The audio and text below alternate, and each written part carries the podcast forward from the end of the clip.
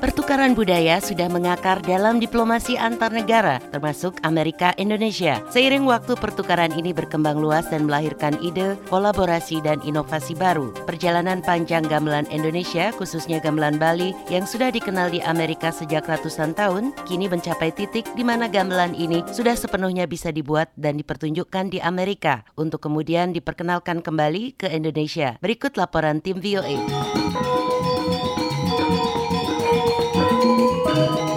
Brian Bumbles adalah seorang dosen musik UC Santa Cruz, komposer dan musisi di Alameda, California yang mulai tertarik dengan gamelan Bali saat remaja. Ia telah menghasilkan karya musik kontemporer yang memadukan gamelan dan instrumen barat bersama kelompok Jack Quartet and the Light Bulb Ensemble. Brian memutuskan membuat gamelan versi Amerika ketika ia mendalami konsep penyetelan suara pada instrumen atau tuning gamelan. It was difficult to find somebody, you know, who would let me retune their own set of instruments from Bali, you know, because those instruments are very valuable and uh, people don't really want you know someone who doesn't know what they're doing grinding away the bronze to... Sulit untuk mencari orang yang kita kenal dan mengizinkan saya menyetel kembali peralatan gamelan mereka karena peralatan itu sangat berharga dan tidak ingin orang yang tidak benar-benar mereka kenal dan tidak yakin dengan yang dilakukan mengasah alat perunggu itu, melakukan eksperimen sistem penyetelan atau tuning. Keterlibatan Brian dengan para musisi dan komposer di Bali juga menjadi alasan lain yang menyemangatinya menurut meneruskan interaksi budaya dalam musik. Setelah 10 tahun membuat gamelan di Amerika, ia membawa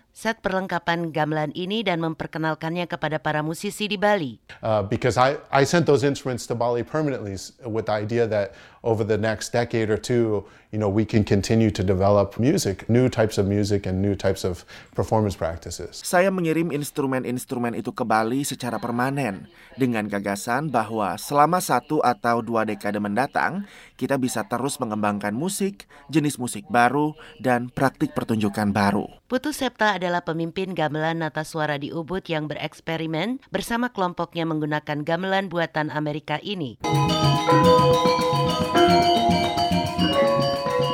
Gamelan ini sangat fleksibel bagi saya, pemahaman saya karena banyak kemungkinan yang bisa dibuat melalui kreativitas, kreativitas-kreativitas para komposer yang nantinya mau menggunakan gamelan ini sebagai media ungkap. Gamelan Nata Suara telah memainkan gamelan ini dan karya Brian Baumbush, Prism for Jean Davis Number 9 di Bali. Karya musik berdurasi 25 menit tersebut akan dirilis oleh New World Records, perusahaan rekaman yang berbasis di New York tahun depan. Dewa Putu Brata, komposer gamelan Bali yang mengajar di University of California Berkeley, adalah seorang seniman Bali yang terkenal di Amerika. Ia memimpin kelompok gamelan Cundamani yang berbasis di Ubud dan tokoh gamelan Sekarjaya di San Francisco. Ia menghargai upaya Brian Memang harus harus. Bagi saya orang yang betul-betul ingin mengembangkan itu memang harus datang ke Bali.